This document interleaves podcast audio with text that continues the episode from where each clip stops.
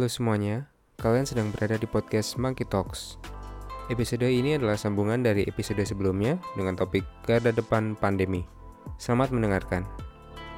Ini salah satu bentuk kekacauan ya, kalau, bisa kita simpulkan seperti itu. Nah, di satu sisi kekacauan ini sebetulnya sering kali terjadi di dalam kondisi darurat ya.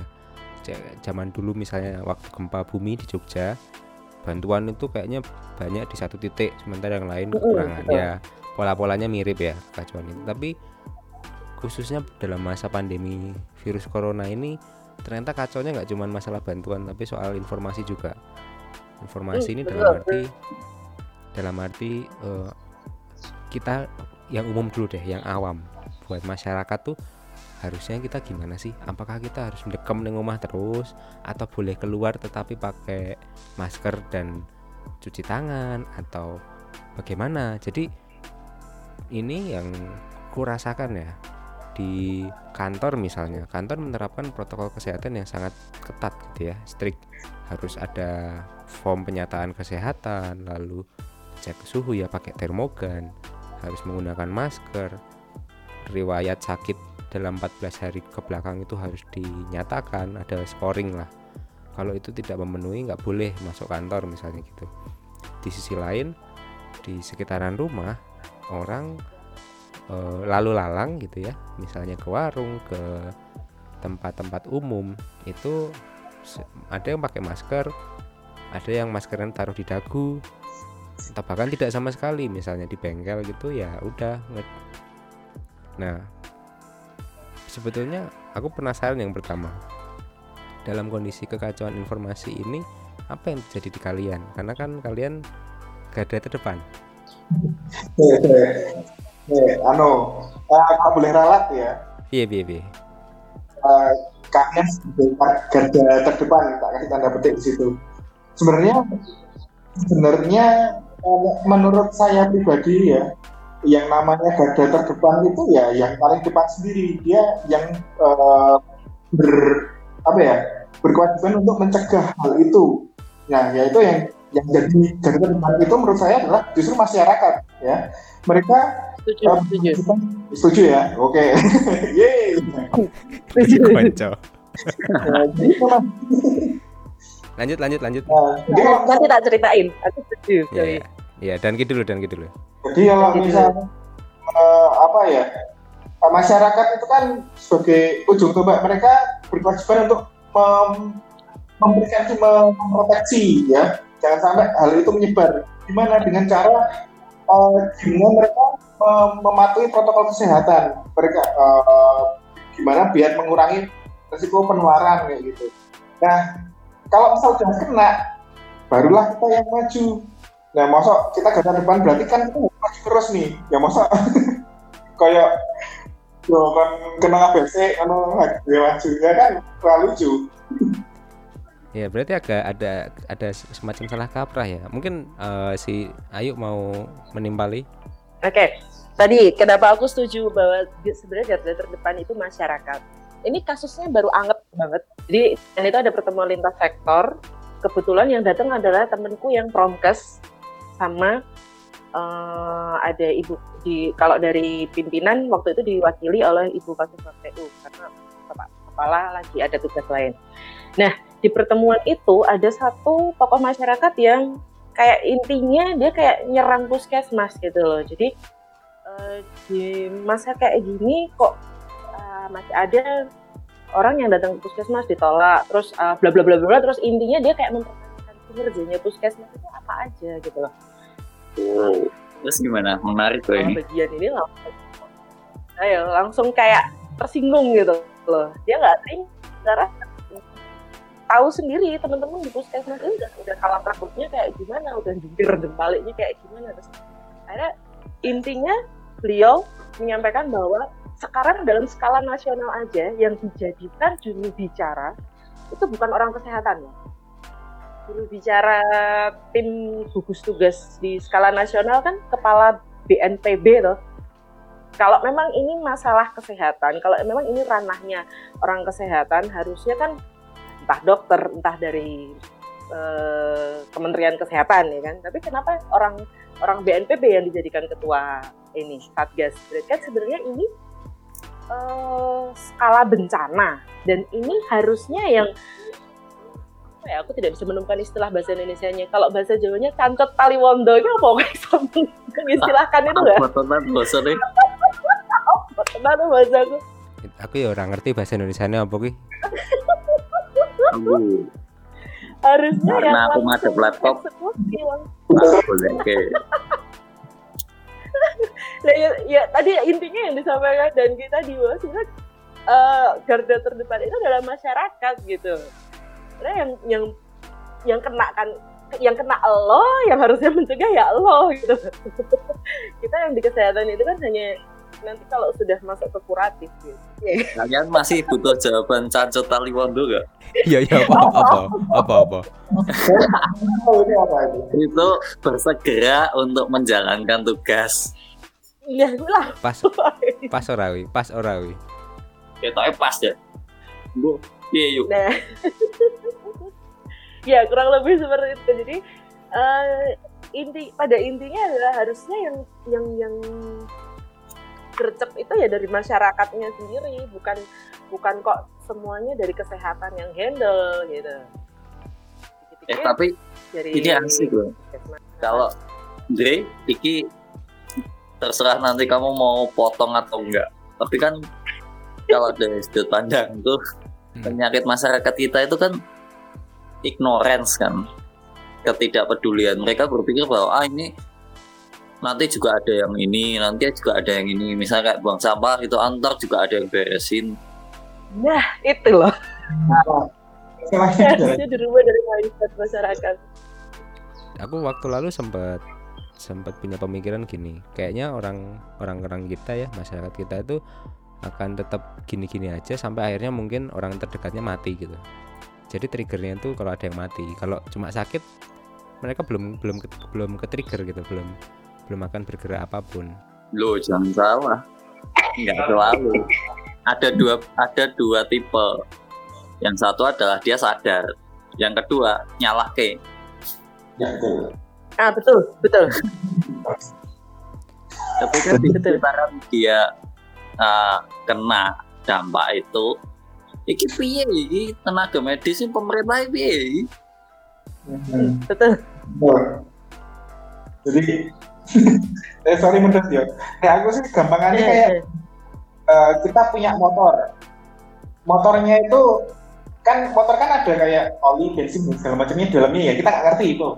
Pemi- eh, Pemilik motor seharusnya kan kita ngecek berapa banyak bensinnya yang tersisa, berapa banyak olinya, udah ganti berapa lama kan harusnya pemilik si motor yang ya. Tapi ketika motor kehabisan bensin atau kehabisan oli, ya masa nyalain bengkel atau pom bensinnya kan Iya, iya. Betul, betul, betul. Faktanya faktanya banyak sih dan faktanya banyak dan ternyata memang gaungnya sama, betul.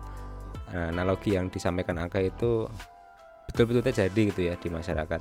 Termasuk sebetulnya kalau kita bicara mengenai kekacauan informasi itu aku belum bisa bilang puncak ya, tetapi eh, frekuensinya semakin menguat ketika eh, wacana atau isu mengenai eh, konspirasi elit global. Hmm, kalau di masyarakat sih aku kurang ini ya, cuma lebih ke ignoran aja sih kalau tidak mikir kayak ten- apa teori konspirasi atau apa-apa kalau yang di masyarakat di lingkungan tempat kerja aku nggak belum menemukan itu. Paling ya lebih ke ignoran aja. Cuman kalau yang di medsos medsos nah itu. Banyak kan yang beredar yang pada bilang ala ini teori konspirasi bla bla bla.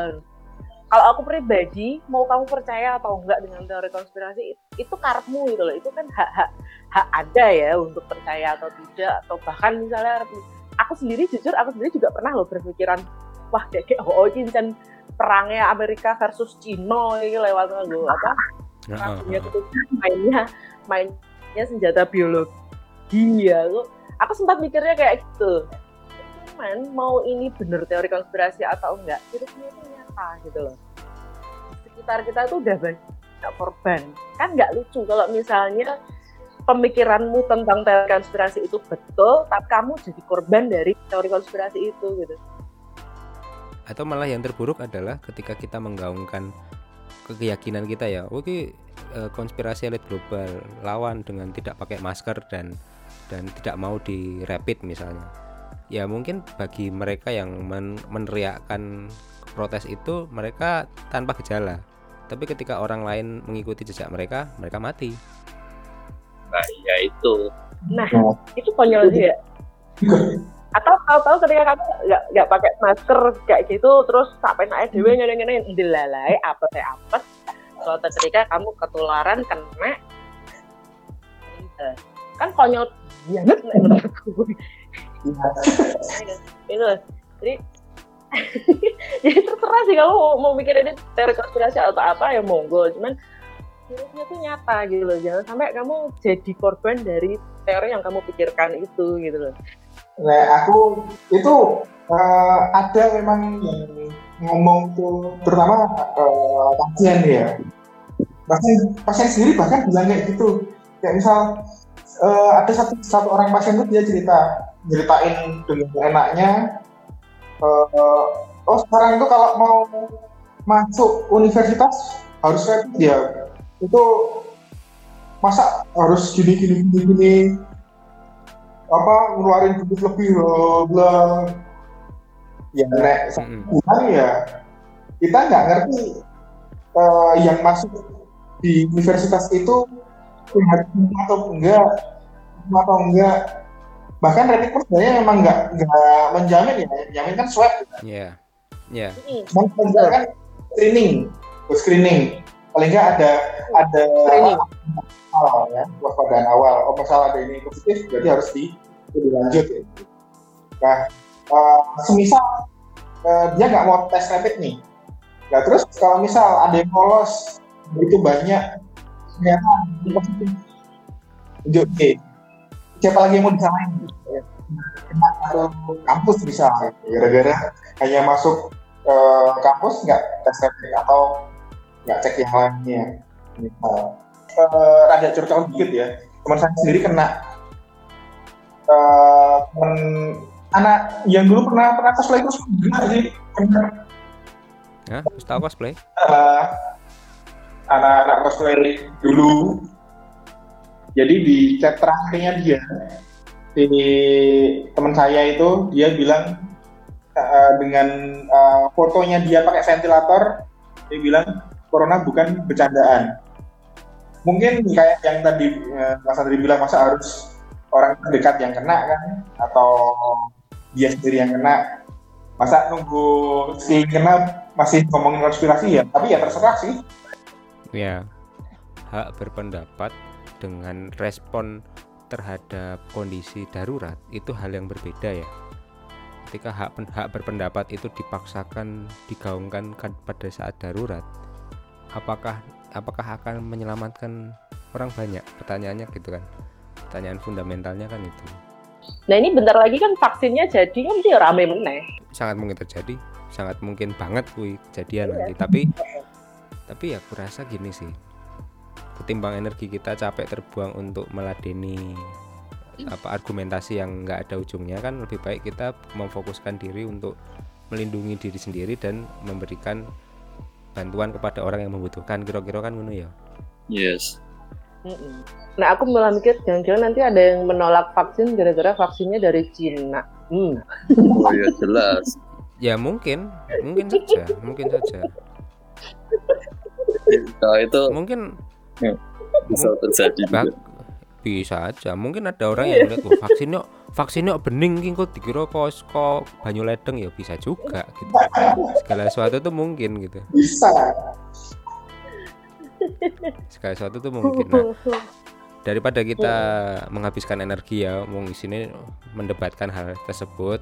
Nah mungkin ada nggak sih kalian punya saran buat kita nih masyarakat umum ya dari tenaga kesehatan tuh untuk bisa melewati masa pandemi itu apa yang bisa kalian sampaikan gitu Ya kalau dari aku sih gini, kalau di masa sekarang kan kita udah susah ya ngelarang orang untuk keluar atau sampai memohon-mohon untuk please stay at home bla bla bla kayak udah udah mulai susah banget karena mbuh sing kowe wes kudu metu karena alasan ekonomi atau ya mungkin yang sudah benar-benar jenuh, stres banget ada di rumah dan benar-benar butuh atau pengen keluar. Yang penting kalaupun misalnya kamu keluar dari rumah tetap patuhi protokol kesehatan. Jadi kalau menurutku mematuhi protokol kesehatan itu lebih pada egois sih. Egoisnya gini karena yang penting kan kamu jaga dirimu sendiri. Nah, Hmm. dengan kamu menjaga dirimu sendiri itu sebenarnya kamu juga sudah menjaga orang lain kayak kamu pakai masker kamu memproteksi dirimu sendiri kan setidaknya kamu bisa memproteksi keluargamu orang-orang terdekat kayak gitu Mm-mm. terus sebenarnya protokol kesehatan itu sendiri juga bukan barang baru sih kalau menurutku ya karena kayak cuci tangan pakai sabun itu sebenarnya sudah materi promosi kesehatan dari sekian tahun yang lalu PHBS mendengung eh, PHBS ya, perilaku hidup sehat ya. iya PHBS bener. Mm, Teman-temanku promkes tuh bahkan sampai ada yang nyinyir loh. Eh, saiki PHBS ku kepake loh. Terakhirnya pada rajin cuci tangan pakai sabun terus pakai masker itu sendiri juga sebenarnya kan materi dari campaign etika batuk sudah sekian tahun yang lalu kan. Ketika kalau dulu sih mungkin bedanya yang pakai masker cuma orang-orang yang sakit. Tapi kalau sekarang kan orang-orang yang sehat pun Semua. diminta orang ah, semua pakai masker. Terus jaga jarak itu pun sebenarnya juga demi keamanan kita sendiri. Saya kira nek yang kerumunan, resiko kecopetan apa ora gede, ya kan? Nah, kan.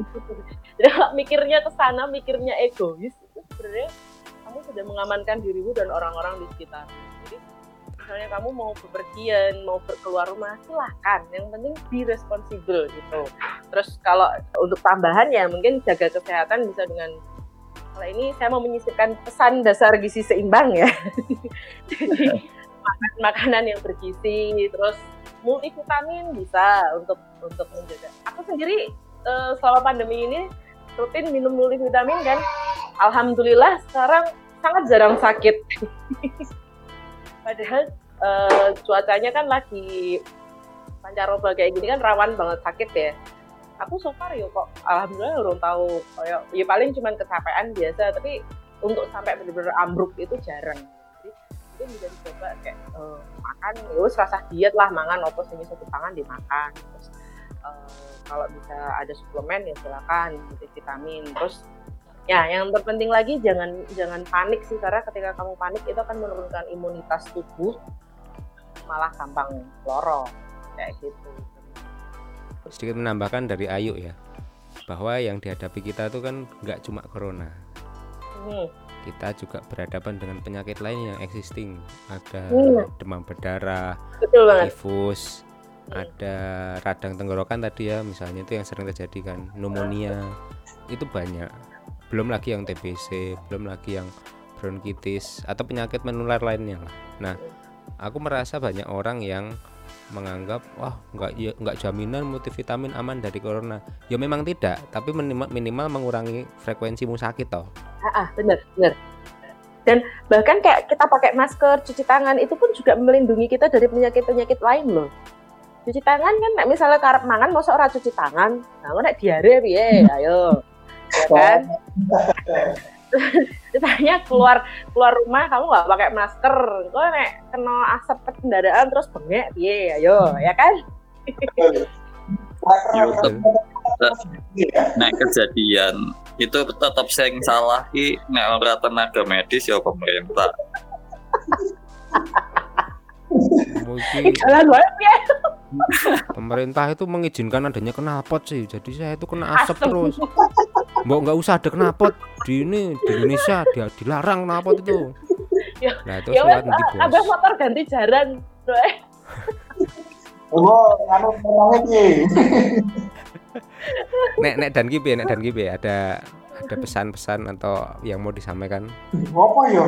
Sebenarnya udah udah banyak banget sih apa namanya eh apa kayak kayak anjuran, saran dan segala macamnya itu udah udah banyak banget cuci tangan dan segala macamnya. Cuman kayak ini orang-orang eh, pada pada merhatiin atau ngerti nggak sih?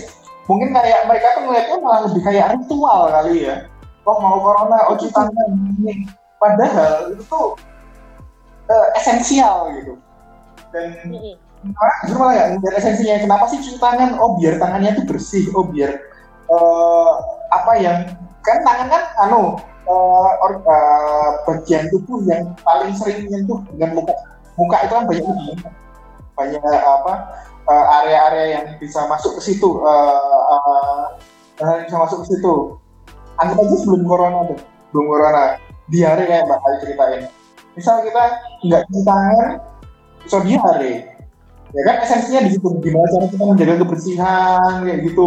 Itu ya udah udah banyak banget. Cuman gimana cara kita menekankan esensi ini ke masyarakat sih? Jadi nek nek menurut aku ya yang penting adalah bersiap untuk yang terburuk gitu. Bersiap untuk yang Wah, nice. ya jadi misal keluar gitu. Keluar kita nggak ngerti. Orang-orang itu sehat atau enggak?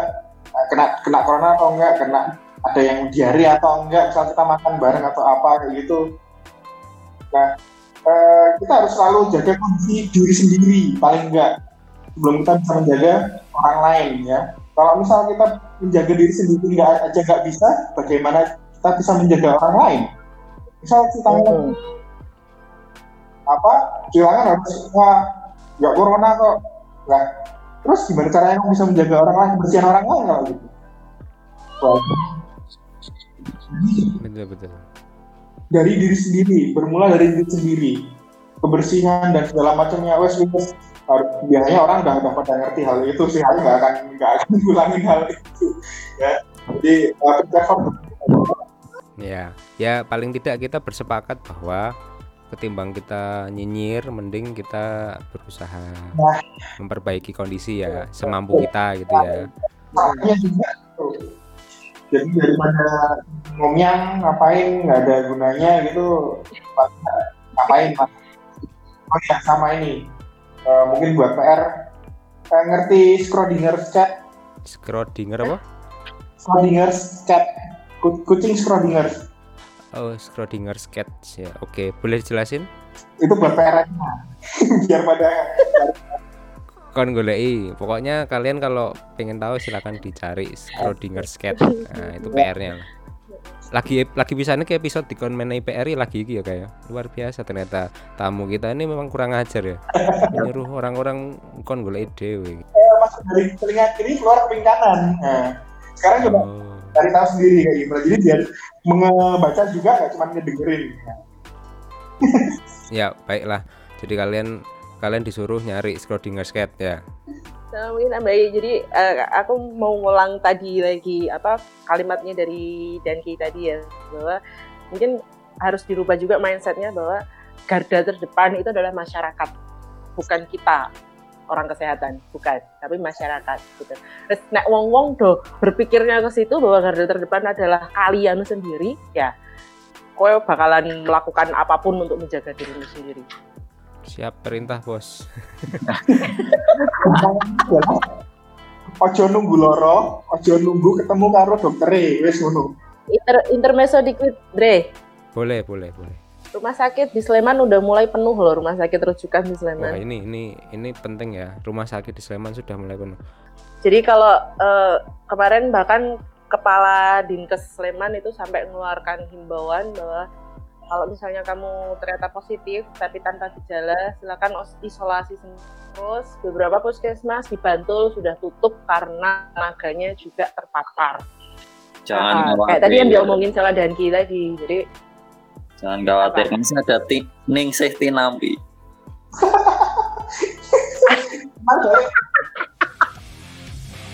Terima kasih telah mendengarkan podcast Monkey Talks.